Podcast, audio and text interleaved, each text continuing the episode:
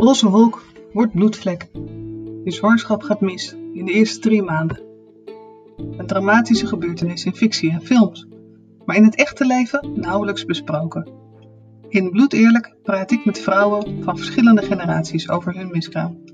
Realistisch, een beetje rauw en met aandacht. Omdat er nog veel schaamte, zelfverwijt en ongemak is over dit onderwerp. Terwijl het bij 1 op de 10 zwangerschappen misgaat.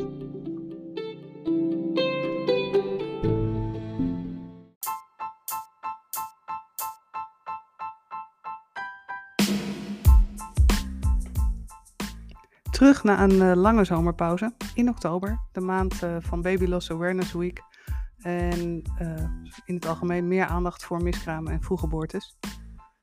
terug met het verhaal van Ilse en Merel. Twee gasten in plaats van één. Iets andere opzet. Um, dit keer um, is, heet de aflevering Tussen Hoop en Vrees. En dat betekent dat uh, zowel Merel als Ilse nog midden in het proces zitten van hopen op een gezonde zwangerschap. En ondertussen ook het verdriet uh, aan het verwerken zijn van allebei inmiddels meerdere miskramen. Hun verhalen zijn heel verschillend. Dat hoor je zo meteen in deze episode.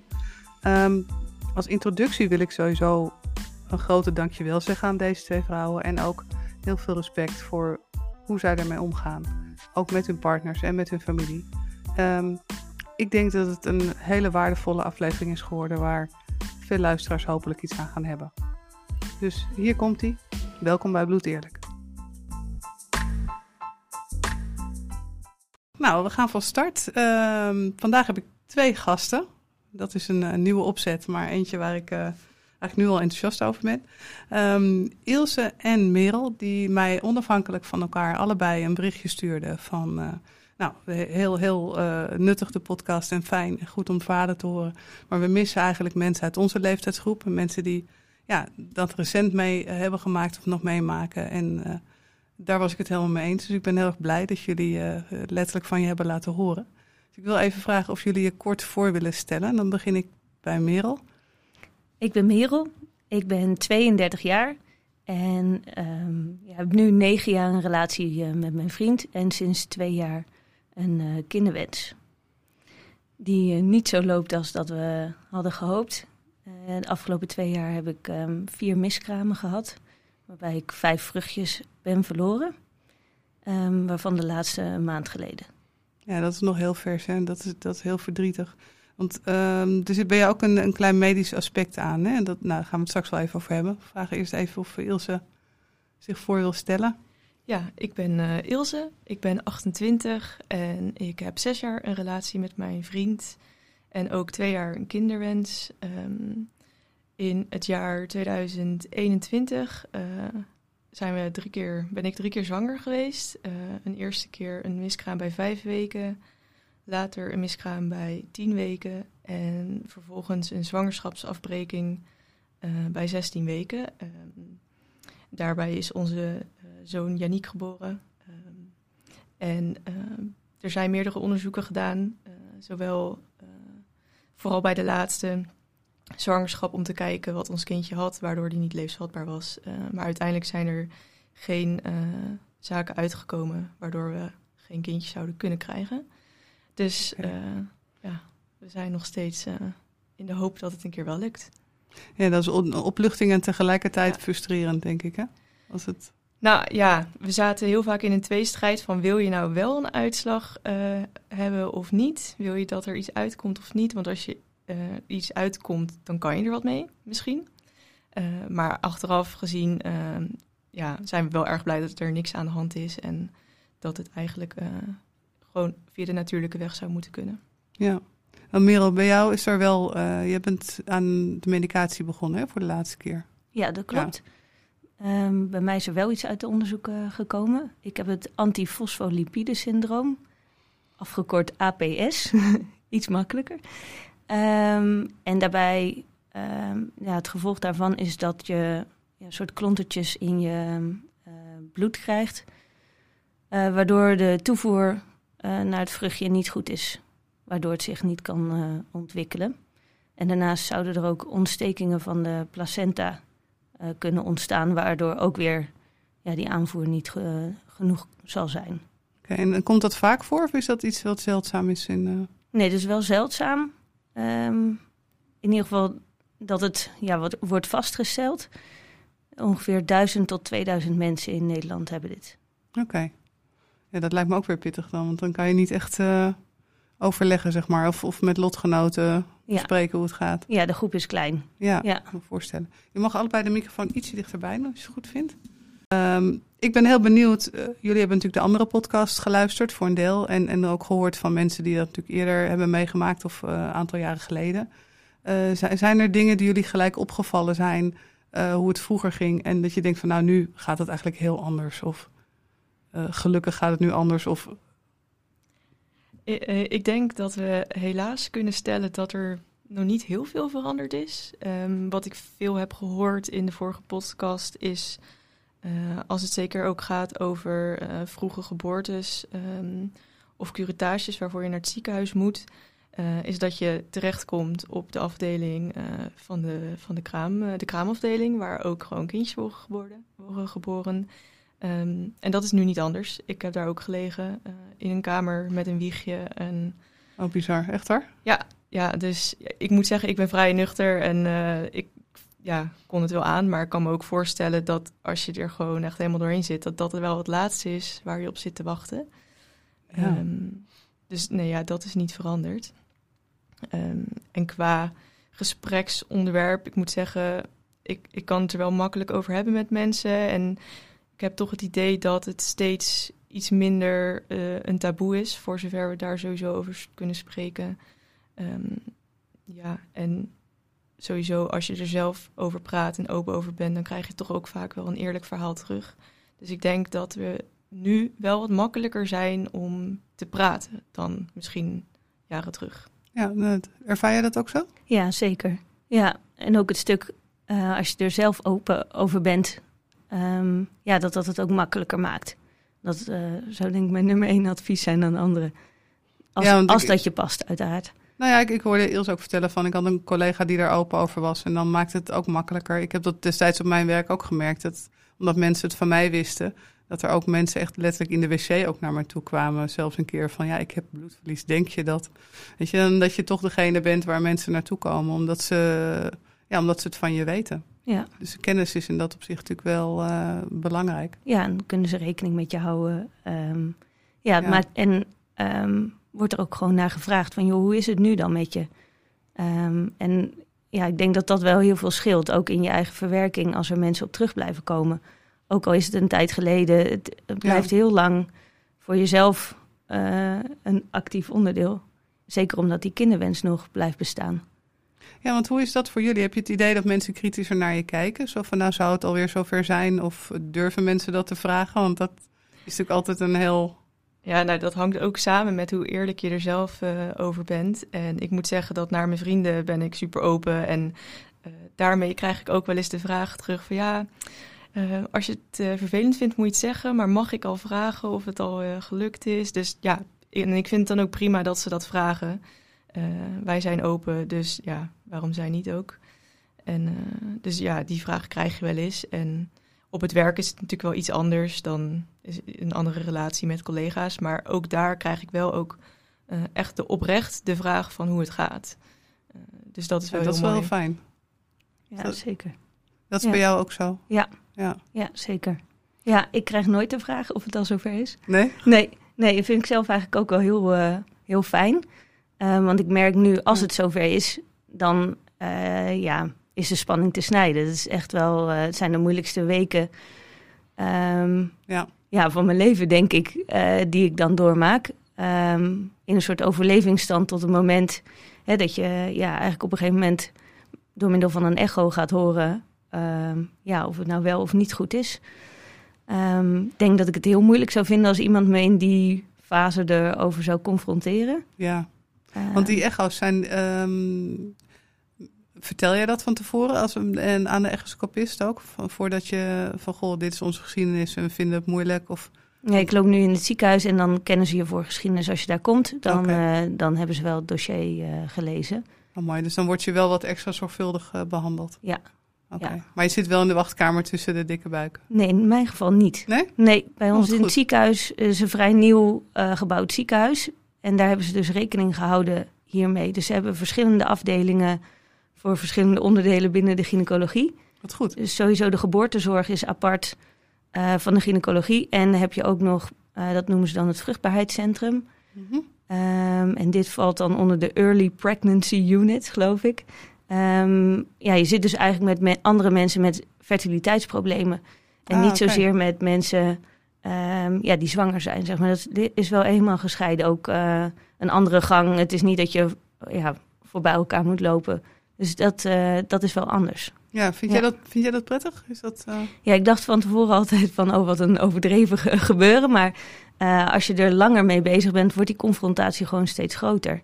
Ja, nou en, en het punt is ook denk ik dat je vol hormonen zit. Hè? Want jij Ja. zei ook al toen je mij een maand geleden mailde. Was, en we spraken elkaar daarna, zei jij nu is het wel weer een beetje gezakt. Ja, En dat is denk ik ook het punt. Hè? Je staat zo op scherp door al die hormonen. Ja, al je haarvaten staan open, zeg maar. Dus zeker. je moet ook een beetje clementie hebben, denk ik, met jezelf als je overgevoelig bent. Ja. Want daar kan je niks aan doen.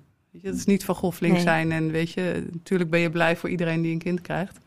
Maar het is ook heel terecht dat je er even niet naar wil kijken op dat moment. Ja, het is vooral dat het je zo overvalt. Ja, En misschien kan je in het ziekenhuis nog een beetje erop voorbereiden, maar ja, het, het, het, het is overal. Dus soms Ja, ja. is het ook echt ineens in your face. En moet je er wel mee dealen op dat moment. ja. Ja, want dat was inderdaad een, een, een vraag die ik ook had. Van, eh, hebben jullie het idee dat je nu al bezig bent met verwerken? Of, of is dat, zit je in een soort achtbaan en dat je denkt van dat komt later wel? Ehm, nee, ik ben wel vrij snel eh, in het verwerkingsproces gestart. Ehm, na, na de miskraam bij tien weken eh, hebben we ook echt het vruchtje opgevangen en een soort van afscheid genomen en begraven in het bos. Dus dat is allemaal al onderdeel van de verwerking. En later met eh, bij eh, is die ook mee naar huis geweest, foto's gemaakt, familie langsgekomen, ook begraven, zelfs plekje in het bos. Ehm, dus ja, dan ben je eigenlijk al wel direct er gewoon echt mee bezig, waardoor de verwerking ook al start. En eh, ja, later ook gewoon bezig geweest met verhalen opschrijven. Nou ja, mijn, op, eh, op Instagram heb ik ook een hele pagina waar ik een, waarin ik het verhaal heb verteld. En ja, dat helpt wel heel erg bij de verwerking. Ja, Hoe is dat bij jou gegaan? ik probeer daar ook wel ehm, nu ruimte voor te maken. Ja, Na de eerste miskraam ging ik in een soort ja, ehm, modus waarin ik dacht: oké, ik ga er nu alles aan doen wat, ik, wat binnen mijn macht ligt om ervoor te zorgen dat het de volgende keer goed gaat. Toen was ik opnieuw zwanger en toen viel er zo'n ballast van me af dat ik dacht: ja, dit is, dit is helemaal niet goed geweest. Hoe, hoe ik erin zat, hoe, hoe ik ermee omging, wat het met me deed. Ehm, toen ging dat opnieuw mis. En toen dacht ik: oké, nu moet ik ervoor zorgen dat dit niet opnieuw zo gaat. Ehm, ook omdat ik denk dat het niet eerlijk is tegenover een kind om de verlossing te zijn ja. van mijn, eh, van mijn ellende eigenlijk. Dat is een veel te grote taak om te dragen. Dat moet ik eigenlijk voortijdig al proberen in ieder geval zo klein mogelijk te maken. Dus daar ben ik toen wel ehm, mee aan de slag gegaan. Ehm, ik ben bij Mirjam van Krij geweest onder andere. Ja, ik, heb- ik heb haar boekje toevallig hier liggen inderdaad. Ja, Ja. en dat, eh, ja, dat heeft me wel echt ontzettend geholpen om het, ehm, ja, om te weten dat ze altijd bij me zijn, de kindjes. Dat ehm, niet in de vorm zoals ik het had gewild, maar eh, ja, ik heb ze altijd bij me. Ja, dat vind ik heel mooi gezegd. Ja, ik vind de term regenboogbaby voor mij die is, is een soort van nieuw, want in in mijn tijd was dat er nog niet zo. Maar daarbij heb ik soms hetzelfde gevoel een beetje, alsof eh, als je met de term regenboogbaby is dat soort van heb je al de erfenis van wat daarvoor zat Ja. erbij gepakt, zeg maar. Terwijl ik denk van ja, het is gewoon een baby. Precies. Eh, en, en die hoeft niet, zeg maar, dat heeft ook een beetje dezelfde. Maar misschien, Lading, ja. misschien is het ik. meer voor mensen gewoon om aan te geven van dat Nou, er iets kan- aan vooraf gegaan is. Het kan twee kanten op natuurlijk. Aan de ene kant kan Ja. je zeggen, oh, dit moet dan een extra speciale baby zijn om dat gat te vullen. Ja, Maar aan de andere kant, eh, door die term te gebruiken, eh, weet je ook van, oh, er was al een kindje voor. Ja. En eh, nou, het, het kan ook zijn dat mensen daardoor wat zorgvuldiger zijn natuurlijk in, eh, in hoe ze met je omgaan. Of hoe ze, ja, ik denk dat dat, dat voor iedereen inderdaad verschillend is. Ja, en als je het zo, zo formuleert, kan ik me dat wel voor. Het geeft wel een kans om te laten weten dat het niet bijvoorbeeld het eerste of hè, dat, dat er meer vanzelf. waren. Ja, of dat het niet vanzelf is gegaan. Ja. Die term wordt natuurlijk voor heel veel gebruikt. Nee, dat is waar. Ja. Ja, en fysiek is het ook anders. Als je natuurlijk als, als, als je op een gegeven moment een zwangerschap krijgt die goed gaat, de- je toont bijvoorbeeld ook veel eerder. Eh, om de- omdat je lichaam natuurlijk al denkt van, oh, gaan we dit doen? Dat ken ik. Ja, ik, ook, Ja. ik was toen met mijn tweede dochter, dat, dat was de vijfde zwangerschap. Dus ik was binnen no time had ik een buik. En, en ik, ik was nog helemaal niet zo klaar om het te vertellen. Toen zeiden de collega's al van, ja, we hadden het al gezien. Weet je wel? Oh ja. En ik was nog helemaal niet zo ver. Ik wilde nog een beetje afwachten en ik vond het eng. En, maar het was gewoon al voor iedereen zichtbaar zo'n beetje. En daar staan mensen denk ik ook niet bij stil. Dat je, dat je lichaam natuurlijk wel gewoon denkt van... Oh, keer vijfde keer, zesde keer. Ja. Eh, Dat is best wel gek. Ja. En dat, en dat is ook wel, ik weet niet hoe dat voor jullie is... maar dat zijn ook wel een soort van eenzame processen. Want dat kan je niet echt delen met mensen. Dat soort... Nee, ja, ik heb geen mensen eh, in mijn echt persoonlijke kring die er al door zo, op zo'n manier doorheen zijn gegaan. Eh, dus dan is dat lastig te delen. En daarnaast, als je er middenin zit, dan is het meestal niet het moment dat je het met iemand erover wil hebben. Eh, tenminste, dat merk ik zelf. Het is eh, gewoon super spannend om weer zwanger te raken. Ja. Ehm, ja, zolang dat nog niet aan de orde is, dan eh, ben ik er heel open over en makkelijk. Maar zodra je daar dan weer in zit, dan zeker die eerste weken, ja, het is gewoon super spannend. Ja, Ik heb ook, Vooral als mensen dan zeggen, doe, ontspan en Ja, denk er niet aan. Ja, dat hebben wij overdreven, dat denk er niet aan. Dus eh, na, na de miskraam heel snel weer zwanger geraakt. En toen eigenlijk gewoon, ja, we waren ook druk met verbouwen, dus daar lag ons focus. En ja, die zwangerschap eh, stond echt, eh, die, die was er wel, maar we waren er zo min mogelijk mee bezig om gewoon uit zelfbescherming. je zit natuurlijk ook altijd heel erg in je, in je arbeidszame leven op je, ja, toch wel op je piek. Dus ja, ik weet hoe dat bij jullie op het werk is gegaan of wat je daarover kan of wil zeggen. Ja, bij mij is dat ehm, ehm, gelukkig wel anders gegaan. We werken met een heel klein team. Ehm, ja, eigenlijk is dat wel heel goed opgevangen. Heb ik alle ruimte gekregen. Was ik eerder, denk ik, zelf de beperkende factor eh, dan de, werkvloer zelf. Ehm, want dat is denk ik ook iets wat er gebeurt op het moment dat je erin zit. Dat je op zoek gaat naar wat is normaal. Waar, waar, waar doe ik nu goed aan? Moet ik nu thuis blijven? Moet ik nu gaan werken? Ehm, eh, je probeert daar ook informatie over eh, te vinden. Wat doen anderen nou? Ehm, en heel vaak hoor je ehm, in podcasts of lees je hè, dat mensen heel snel eigenlijk weer gaan werken. Ehm, en dat, dat sloeg ik heel erg op van oké, de, de meesten gaan gewoon met, snel weer werken. En ehm, zoals in Nieuw-Zeeland geloof ik, krijg je twee, drie dagen. Oké, dus dat, dat is een beetje de termijn die er Voor staan. voor staat. En dan moet je gewoon weer functioneren. En, ja, tien ehm, dagen geloof ik. in, oh, eh, tien Nieuw-Zeeland. dagen, oké. Ja. en ja, dat is eigenlijk het enige wat je dan eh, zelf opslaat. Van oké, blijkbaar moet ik me niet aanstellen. Blijkbaar moet ik gewoon weer gaan ehm, en eh, mijn schouders eronder zetten. Ja. Ehm, ja, dat, dat heb ik niet zozeer vanuit mijn ehm, werkgever ervaren. Nou, gelukkig. Maar ja, vrouwen zijn over het algemeen streng voor zichzelf. Ja. Ja. Ja, dat klopt. Ehm, ik heb vanuit mijn werkgever ook echt alleen maar positieve ervaringen. Eh, neem de tijd, eh, ga niet te snel. Mijn manager die belt regelmatig met mijn partner om te vragen hoe het nou echt met me gaat en eh, of dat ik het allemaal wat trek. Dus dat is echt alleen maar heel erg fijn. Ehm, ja, en ik herken zeker wat jij zegt. Eh, bij, de, bij de miskraam kreeg ik medicatie mee naar huis. En ik had me die dag in eerste instantie überhaupt niet ziek gemeld. Ik dacht, oh, dat eh, zal, zal wel loslopen. Dat cheffen we wel tussendoor. Ja, maar dat viel toch een beetje tegen. Dus Ja. vervolgens heb ik me wel de rest van de week ziek gemeld. Maar ja, ja, dat is toch een beetje een drempel om je ziek te melden. En ik ben nooit ziek. Dus zodra ik mijn manager belde met ik moet me ziek melden, dacht hij gelijk van oh jee, wat is er aan de hand? Ja. Ehm, dus toen ben ik ook heel snel naar hem toe open geweest erover wat er aan de hand was. En eh, nou ja, dan merk je ook als je dat dan vertelt dat hij alle begrip heeft. En eh, Maakt het voor jullie nou uit of je ziek meldt of dat je daar speciaal rouwverlof voor zou krijgen? En die, die rouw, die komt pas later. Eerst ben je gewoon fysiek niet in staat om te gaan werken vanwege een miskraam, eh, curettage, wat dan ook. En pas mag later- rouwverlof ook later, hè? Dat Ja. je ook zegt van dat je het dan zegt, ik heb het nu eigenlijk nodig. Ja, nou ja, dat zou wel mooi zijn natuurlijk. Dat je een maand later nog zegt van, ook neem even een dag vrij. Ja, of basis- twee jaar later. Ja, Kan ook, hè? Ja, wat je zegt, de erkenning Ja. is denk ik wel belangrijk. Ja, Ja, want ik ken ook iemand die, die komt uit de medische hoek en die zegt: Ja, weet je, ik ben eigenlijk tegen dat we dat heel erg eh, eh, gaan medicaliseren. En dat je dan overal eh, speciaal verlof op moet plakken, want dit hoort bij het leven. En hoe normaler we daarover doen, hoe beter het is. Ik denk, ja, aan de kant is dat wel zo. Ehm, en, je, en sommige miskramen gaan inderdaad vrij makkelijk. En mensen hebben weinig lichamelijke klachten. En dat was ook met die twee dames van de Radboud die ik geïnterviewd heb. Die zeiden, ja, ik heb ook vrouwen die hebben al vier kinderen en die krijgen dan een miskraam. En zeggen, nou ja, weet je, en door, hoort erbij. En dat is natuurlijk heel erg verschillend per persoon. Maar ik vind wel dat dat verschil er wel mag zijn. Weet je, niemand heeft het verlangen om drie weken met een deken over zijn hoofd eh, zich van de wereld af te sluiten, denk ik. Maar als, als jij degene bent waarbij dat toevallig wel gebeurt, dan moet daar geen oordeel over komen, denk ik. ja, nou ja, wij hebben natuurlijk vanuit onze werkgever allebei gewoon een positieve ervaring. Dus Ja, gelukkig. wij hebben denk ik gewoon die ruimte om af en toe eens te zeggen van, het gaat even niet.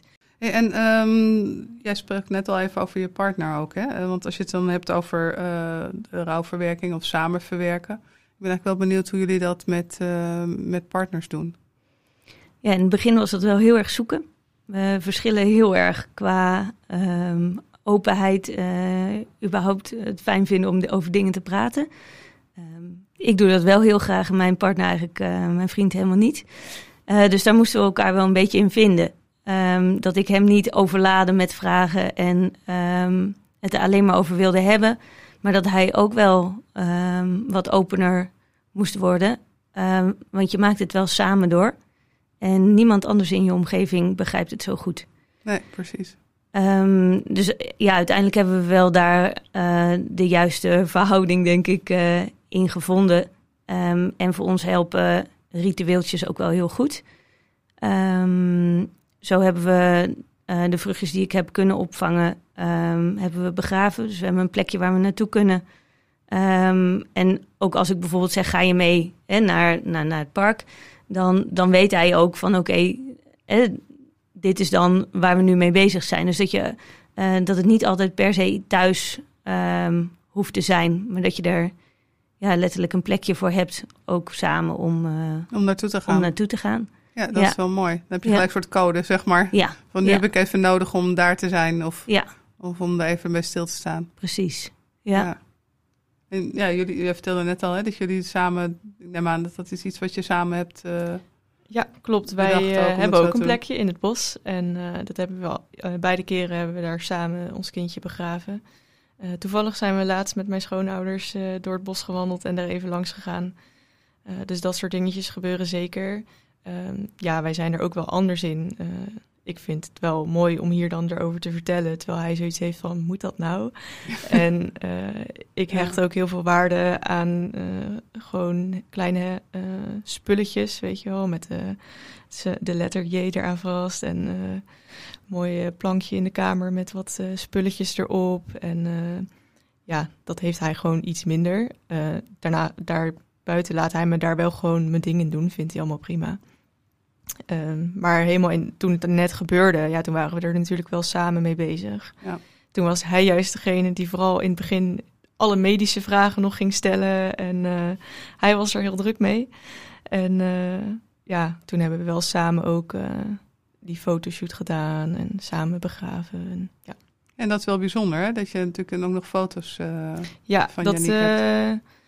Was ook gewoon, ja, het ging toen heel erg snel. We waren bij 15 weken, toen hadden we een uitslag van, oké, ja, dit, dit gaat niet goed, je kindje is niet levensvatbaar. Eh, en toen moesten we eigenlijk een keuze maken. Wat doe je? Wacht je tot het hartje er een keer mee stopt? Want eigenlijk was die verwachting er al een aantal weken. Ehm, of, of breek je de zwangerschap af? Nou, toen hebben we dat laatste gekozen. En eh, toen was het ineens van ja, oké, dan plannen we een bevalling in. En eh, ja, je kan ook nog gebruik maken van foto's. Ik dacht, nou, dat hoef ik allemaal niet. nee, Laat maar. Van, eh, ja, we hadden genoeg om over na te denken van ja, wil je je kindje een naam geven? Oké, nog helemaal niet over nagedacht. Dus, ehm, maar toen later, na de bevalling, toen we Janiek mee naar huis hadden genomen, toen was ik zelf foto's aan het maken. Toen dacht ik ineens, ja, eigenlijk toch wel mooi om gewoon echt goede foto's te hebben. Dus toen hebben we toch gebruik gemaakt van uh, Stichting Stil. En uh, er was uh, gelijk de dag daarna een fotograaf in de buurt die langs kon komen.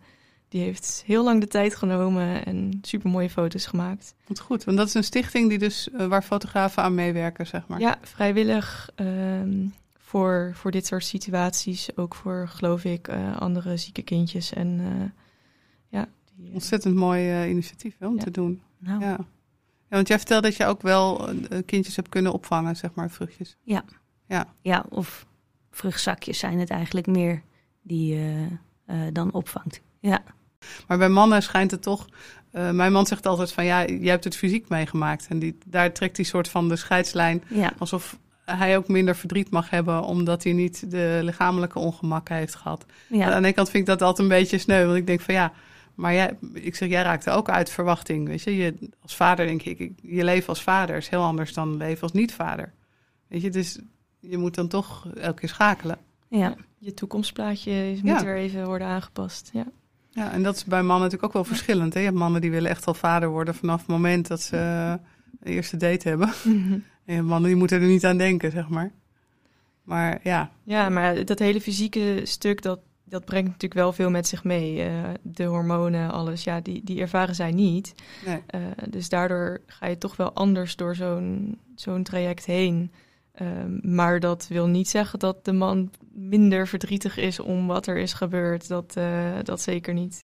Um, ik heb um, bij drie van de vier miskramen de uh, medicatie um, gebruikt die ze dan voorschrijven. Ehm, en zeker de eerste keer dat ik dat gebruikte, um, ja, was vrij um, intens. Um, de keren die dan daarna volgen, dan, dan, dan heb je een beeld bij wat, wat gaat dit uh, uh, met je doen. Ja. Ja. En ook daarin hebben we wel een soort ritueeltje. Er moet iemand bij je in huis zijn. Nou, mijn vriend is dan, uh, dan thuis. Hij weet dat hij er moet zijn, maar me vooral niet te dicht op de huid moet zitten, bijvoorbeeld. Dus, uh, Niet je rug gaan masseren of zo? Nee, nee. nee of na naast me gaan zitten, mijn hand vasthouden, allemaal niet. Maar hij moet wel uh, ja, in dezelfde ruimte zijn. Hij zit dan aan de, aan de eettafel te werken. Dan, dat, dat is voor ons een manier ja, dat je er wel bent, maar niet... Um, hè, dat hij ook iets om handen heeft om te doen. Ja. Um, terwijl, die, ja, terwijl die ziet wat het met mij doet. Uh, en, en er voor me kan zijn op het moment dat ik dat wel nodig heb. Ja, of, of ja, wat ook natuurlijk een echt een risico is, dat je ja. bloed verliest dat je naar, dat je naar het ziekenhuis ja, moet. Precies. Ja, ja. ja. dus dat, uh, ja, dat, in dat soort momenten merk ik wel heel duidelijk die machteloosheid. Um, dat je, ja, je kan, je kan gewoon letterlijk niks anders nee. dan er zijn. Je staat erbij en je kijkt ernaar. Letterlijk, ja. ja. Ja, dat is... ja, dat is de plek van de toekomstige vader. Dat is ja. natuurlijk bij een bevalling uh, niet anders. Ja. Uh, ja, de bevalling die wij meemaakten met 16 weken, ja, hij kon ook alleen maar daar staan, er staan en zitten en toekijken. Ja. Ja, daarom is het denk ik best wel goed hoor, dat er ook aandacht is voor mannen en ook dat zij ook wel hulp vragen. Want dat is natuurlijk ook een, een, een positie waar je mee om moet gaan. En waar ik nog even uh, op in wilde gaan, ik zag op jouw Instagram ook, Ilse, dat je ook af en toe uh, een, een dingetje doet over wat mensen tegen je zeggen. Ja, de tekstjes die heten hebben altijd de titel goed bedoeld. Ja. Want uh, ja, mensen proberen iets te zeggen en dat is goed bedoeld. Maar soms kunnen ze gewoon beter niks zeggen. Of gewoon zeggen dat ze niet weten wat ze moeten zeggen. Want een opmerking kan gewoon heel erg verkeerd aankomen. En je zal misschien ook hebben gehad na twee, na twee miskramen dat je hoort, nou drie keer een scheepsrecht. Ja, daar heb je echt helemaal niks aan aan zo'n opmerking. Nee. Uh, hou die maar voor je. En uh, ja, misschien moet je even rustig uh, op vakantie. Misschien moet je er niet veel mee bezig zijn. Um, ja, allemaal dat soort opmerkingen. Dat, die, die ja. komen wel veel voorbij. Wat, wat vind jij nou het ergste als mensen zeggen? Want inderdaad, het is goed bedoeld. Dat, dat weet je gelukkig. Um, wat vind ik het ergst? Ja, ik weet niet wat ik het ergst vind. Het heeft allemaal net weer een andere lading. Want wat heel vaak ook wordt gezegd is... Uh, het is je zo gegund. Nou, dat is op zich heel lief. Hmm. Maar daar koop ik ook niks voor. Nee. Um, dus ja... ja... Alsof andere mensen het misschien minder verdienen. Ja. Ja, ja. Ja, dus... Ja, het blijft altijd gek. Ja. Hoe is dat voor jou, Merel? Want het, uh... Ja, ik heb dat eigenlijk weinig. En ik denk niet dat, dat het mij niet gebeurt, zeg maar. Maar um, uh, voor mij hangt het denk ik heel erg af het moment en de manier waarop. En dan maakt de boodschap eigenlijk niet zoveel uit. Dus je merkt soms dat mensen er of ehm, eigenlijk, nou, klinkt misschien een beetje kort door de bocht, even geen zin in hebben of zo, in de ellende. Oh, en ja. eh, het dan even af willen doen. En dan Ja. maakt eigenlijk de boodschap niet uit. eh, of eh, de letterlijke woorden, maar gewoon de manier waarop ze dat dan een soort wegzetten. En dan weer over iets anders gaan, gaan praten, bijvoorbeeld. D- ehm, dan inderdaad ehm, eh, mensen die ja, met volle aandacht tegen je zeggen dat het je echt wel gegund is. Dat, dat kan dan soms. ehm, ehm, Ja, misschien is meer de intentie erachter zit. Ik snap Ja. wel wat jij zegt. Ja. Dus als je het idee hebt van nou, vandaag is het gezellig, nu gaan we het er even niet over Ja. hebben. dat, dat dat er in doorschemert. En dat kan ook mijn interpretatie zijn van iets. Dat hoeft helemaal niet zo te zijn. Maar dat zijn de momenten waarop ik het het moeilijkst vind. En dat, dat geeft, dan voel je je zo eenzaam. Ik Ja, denk, Precies afgezien dat. van schuldgevoel is eenzaamheid en hetgene wat ik het meest tegen ben gekomen. En dat is het contrast wat ik zo, ook als journalist, ook moet ik zeggen, wel boeiend vind. Is dat het zoveel mensen overkomt. En tegelijkertijd voelen vrouwen zich zo ontzettend alleen als ze dit meemaken. Ja, En dat, eh, Ja, ja, dat, dat, dat ken ik heel erg. En ook al eh, had ik genoeg eh, verhalen om mij heen, het blijft een eenzaam proces. Ja, je zit er toch zelf mee, s s'avonds thuis op de bank. Ehm, dus ja, ik denk dat ook, dat ook heel erg lastig is om dat te veranderen. Je kan er heel veel over praten, dat heb ik ook echt gedaan.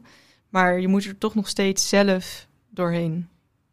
Het is wel zo dat eh, bijvoorbeeld een collega die net een kindje had gehad, die was niet op de hoogte. Die was pas later op de hoogte van wat er was gebeurd. En die zei gelijk, oh sorry, dan had ik niet allemaal babyfoto's naar je toegestuurd. En mensen zijn oprecht wel gewoon heel erg dan ook met jou bezig. Van, oh, eh, wat vervelend dat ik dat dan heb gedaan. Maar hij wist niet beter, dus... Ik hoorde ook iemand anders die zei: ja, Ik vond het zo vervelend dat ik eigenlijk ook mijn familie elke keer verdriet deed. Als ik eh, vertelde dat het. Daarom deelde ik het op een gegeven moment niet meer. ja, dat herken ik wel heel erg. Ja, Ja, ja ik heb een eh, oudere zus. Eh, die heeft twee kindjes nu. Een van drie en een van eh, vier maanden. Ehm, en ik zie heel duidelijk aan mijn ouders... dit is echt de mooiste rol die ze ooit in hun leven eh, mogen vervullen. En aan de ene kant geeft het natuurlijk troost dat ze eh, die rol al hebben. Ehm, maar ik zou ze dat ook graag geven. Ehm, en hetzelfde geldt voor mijn schoonouders. Dus je merkt, het is niet alleen ehm, iets wat mij bezighoudt... Maar ook mijn familie bezighoudt en eh, ook voor een stukje hun verdriet is. En ja, je zou zo graag een keer met goed nieuws komen. ja, dat is het. Ja. Ja, Ja, ehm, zowel mijn vader als mijn schoonouders, die zijn nog eh, geen opa of oma. Eh, ik ben zelf ook enigskind, dus eh, ik ben, blijf de eerste. Eh, ik heb wel een schoonzusje, ehm, maar die hebben nog geen kindjes. Ehm, ja, ze zouden die rol heel graag op zich nemen van opa en oma.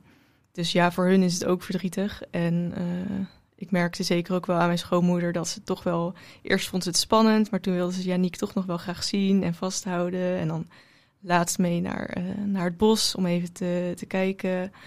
Eh, dus die is daar ook mee bezig. Ja, die vindt dat ook heel erg verdrietig. Maar ehm, maar wel Ik- fijn dat, je, dat zij ook een rol daarin krijgt. Ja, en, en dat, zeker. dat je dat samen kan, eh, Ja. kan beleven. ik denk uiteindelijk dat het grootste verdriet wat bij de familie zit, dat dat is voor, voor mij en mijn partner, zeg maar. Dat, eh, niet voor zichzelf, maar dat ze het ons zo gunnen. Ja, precies. ja, Maar het is, dat merk ik bij jullie allebei wel. En dat is ook logisch, dat je wil graag goed nieuws brengen. Inderdaad, dat zit toch heel erg in je, ja, in je, in je DNA. Terwijl je aan de andere kant weet dat je juist door dat verdriet ook vaak weer veel dichter bij elkaar komt. Hè?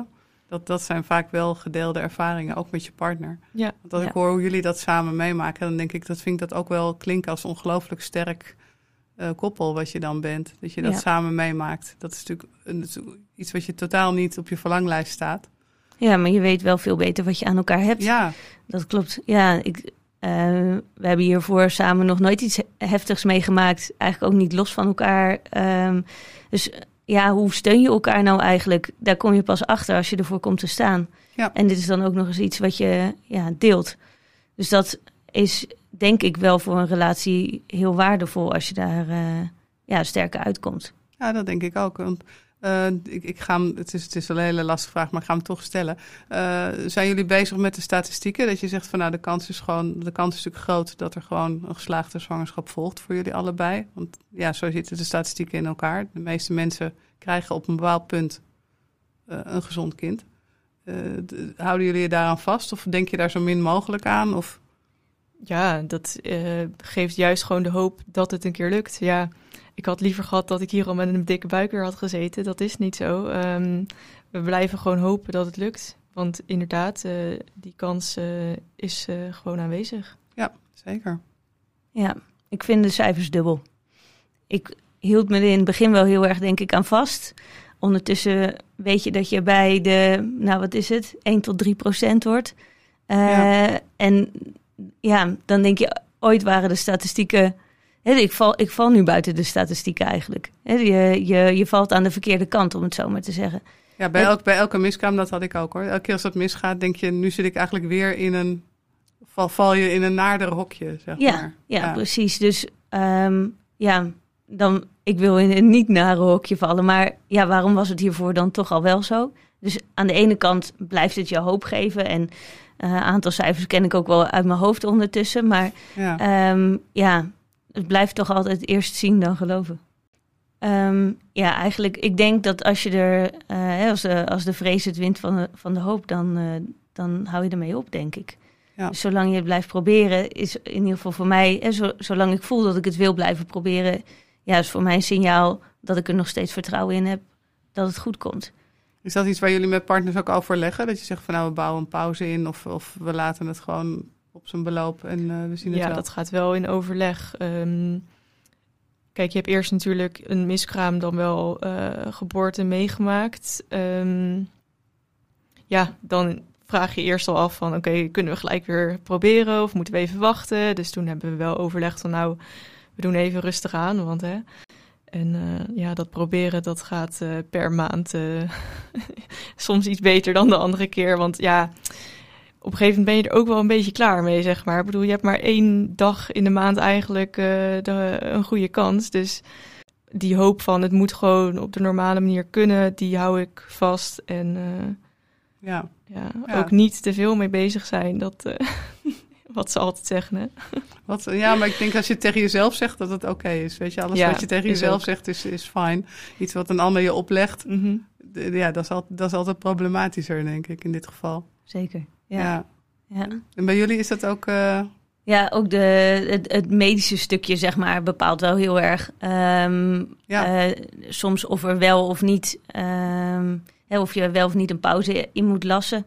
Uh, voor een bepaald onderzoek um, willen ze dat na drie maanden opnieuw herhalen. In die tijd mag je dan niet zwanger zijn. Dus ja, dan heb je automatisch een soort van pauze. nu ook weer begin ik met nieuwe medicatie die moet twee à drie maanden um, inwerken. Ja, uh, dus daardoor wordt dan ja, noodgedwongen een pauze ingelast, die denk ik ook vaak wel goed is. Um, ja, misschien fysiek sowieso. Ook, ja, schijnt toch ook wel uh, zo te zijn dat het eigenlijk wel beter is om uh, ja. Ook zeg maar voor het opnieuw krijgen van een miskraam, dat het eigenlijk goed is om even te wachten. Oké, okay, oh, dat wist ik ook niet. Nee, wist ik ook niet tot het laatste gesprek met, met de arts. Dus dat, ja, volgens mij wilden ze vooral me geruststellen dat het eigenlijk prima is dat het nu even niet kan. Ik kan het enige wat ik me wel kan herinneren, bij mij is het natuurlijk lang geleden, dat ik wel vreselijk die drive had. Zo van, oké, okay, liefst overmorgen alweer zwanger. Ik wilde gewoon eigenlijk liefst elke keer zo snel mogelijk weer door. Terwijl ik achteraf ook denk van, ja, weet je, ja, daarom, zijn wij, uh, daarom ben ik drie keer in een jaar zwanger geweest. Ja. Omdat we na de eerste twee keer dachten, en door. En door, precies. Ja. ja. Maar nee, maar die wens gewoon... is gewoon heel sterk. Zeker als je er net mee, uh, mee bezig bent. En ook wel fysiek. Ik merk na elke miskraam wel weer dat mijn uh, afweer gewoon minder goed is. Dat ik, nou ja, toevallig tot twee keer toe corona heb gekregen vlak na een miskraam. Dat ik ander soort ontstekingen krijg. Dat voor mijn gevoel het wel echt een aanslag is ook gewoon op mijn lichaam. Ja, maar dat is het ook. Het is natuurlijk, het is natuurlijk een mini-zwangerschap. Uh, nou, wat je ook zei, met alles erop en eraan. Tot aan een mini-bevalling aan toe natuurlijk. Op ja. het laatst. Uh, en, en dat is het gedeelte wat mensen een beetje onderschatten, denk ik. Heel met, oh, ik dacht dat het een zware menstruatie was. Ik, ja. Bij sommige vrouwen is dat het. Ja. Maar... Ja, nou ja, mijn eerste miskraam bij tien weken, daar kwam ik pas bij twaalf weken achter, bij de echo. En toen heb ik gewacht. Dus toen heeft nog, heb ik drie weken nog gewacht. En toen pas een week daarna de medicatie genomen. Dus al met al waren we 16 weken, had ik mijn kindje bij me. Ja. En die eerste weken waren echt een hel. Ik had echt heel erg veel last van, uh, van zwangerschapskwaaltjes. Dus ja, ik uh, lag om de zoveel dagen als een of andere vaatdoek uh, op de bank. Dus dat is gewoon, ja, heeft gewoon heel veel effect op je lichaam. Ik echt... Ja, ik zeg wel, ze zouden een eerste drie maanden verlof moeten, moeten instellen. Nou. Want heel vaak voel je de eerste drie maanden veel beroerder dan ben niet verder gekomen dan de eerste drie maanden, iedere keer. Ja. Nee, maar het, zegt, daarna zit wel een soort opleving normaal gesproken. Ja. Dus dat is, ja, dat is dan dubbel zuur. Dat je, dat je het naarste deel dan elke keer voor je kiezen krijgt. Zonder het leuke deel, zeg maar. Zonder beloning. Zonder beloning, ja, precies. Dan, Dat maakt het natuurlijk... ja, want voor een kindje heb je alles over natuurlijk. Ik bedoel, al moet ik negen maanden er doorheen ja. zeg ik nu, hè. Maar stel dat, dan uh, ja, maar ja, inderdaad, wat je zegt, zonder beloning. Dus het is wel, ja. uh, wel pittig. Nou, het is dus ook wel iets om te onthouden. Daarom vind ik het wel goed om te horen dat jullie ook al met verwerking bezig zijn. Want als je eenmaal een succesvolle zwangerschap hebt, dan is dat, kan dat ook wel een hele harde landing zijn daarna. Omdat je inderdaad het gevoel hebt van, nou, nu is alles goed en nu is alles oké. Okay. En dan maak je ook die de, uh, klap naar beneden met die hormonen mee. Ja, en dan moet je mentaal toch wel een beetje uh, goed in je schoenen staan. Ja. ja, ik denk als ik onze verhalen hoor, dat we daar um, inderdaad wel alles aan proberen te doen wat binnen onze macht ligt nu. Uh, om dat te voorkomen. Maar ik denk dat ja. het, um, um, wat me ook onder andere uit de andere afleveringen wel uh, doet inzien, het, het, het houdt hier niet op, zeg maar. De, de, de verwerking, daar kom je niet onderuit, denk ik ook, als het uiteindelijk wel of niet de, uh, definitief zeg maar lukt. Het nee, blijft, uh, blijft voor altijd een onderdeel van je leven. Heel...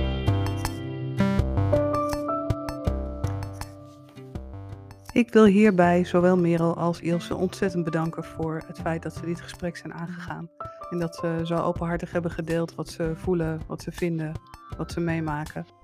Ik denk dat dat ontzettend kostbaar is voor mensen die dit nog meemaken. Wat ik heel fijn vind om te horen is hoe goed hun werkgevers reageren. Um, en ook merk je toch wel dat de drempels die ontstaan, um, ook vaak wel door jezelf worden opgelegd, om, omdat vrouwen zo ontzettend streng voor zichzelf zijn. Um, respect voor hoe, de, hoe ze met hun partners ook hiermee omgaan. Uh, ontzettend sterke koppels uh, vind ik het als ik het zo hoor. Wat me ook is bijgebleven is dat die verwerking um, van die meerdere miskramen, daar kom je niet onderuit. Of je nou wel of niet eindigt met een succesvolle zwangerschap of met een gezin. Um, ja, die verwerking die klopt aan de deur. Uh, het zij tussendoor, het zij later, het zij eerder. En dat geven zij denk ik heel goed aan.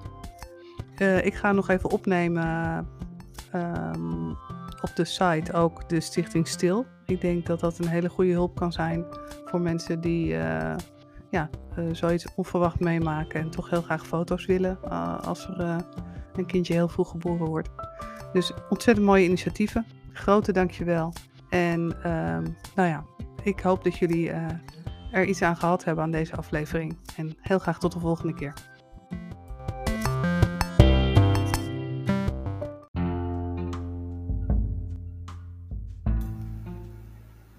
Het kan zijn dat je hulp nodig hebt na het luisteren van deze uitzending. Neem dan contact op met je huisarts. U kunt ook contact opnemen met Mirjam van Krij op de site www.miskraambegeleiding.nl. Je kunt mij mailen als je suggestie hebt voor een onderwerp of je wil zelf iets melden op anja.corbijncs.nl. Het wordt gewaardeerd als je deze podcast downloadt of een review achterlaat voor de luistercijfers. Bloed Eerlijk is een onafhankelijke productie van Corbijn CS. Ik ben journalist en contentmaker en maak deze podcast op persoonlijke titel.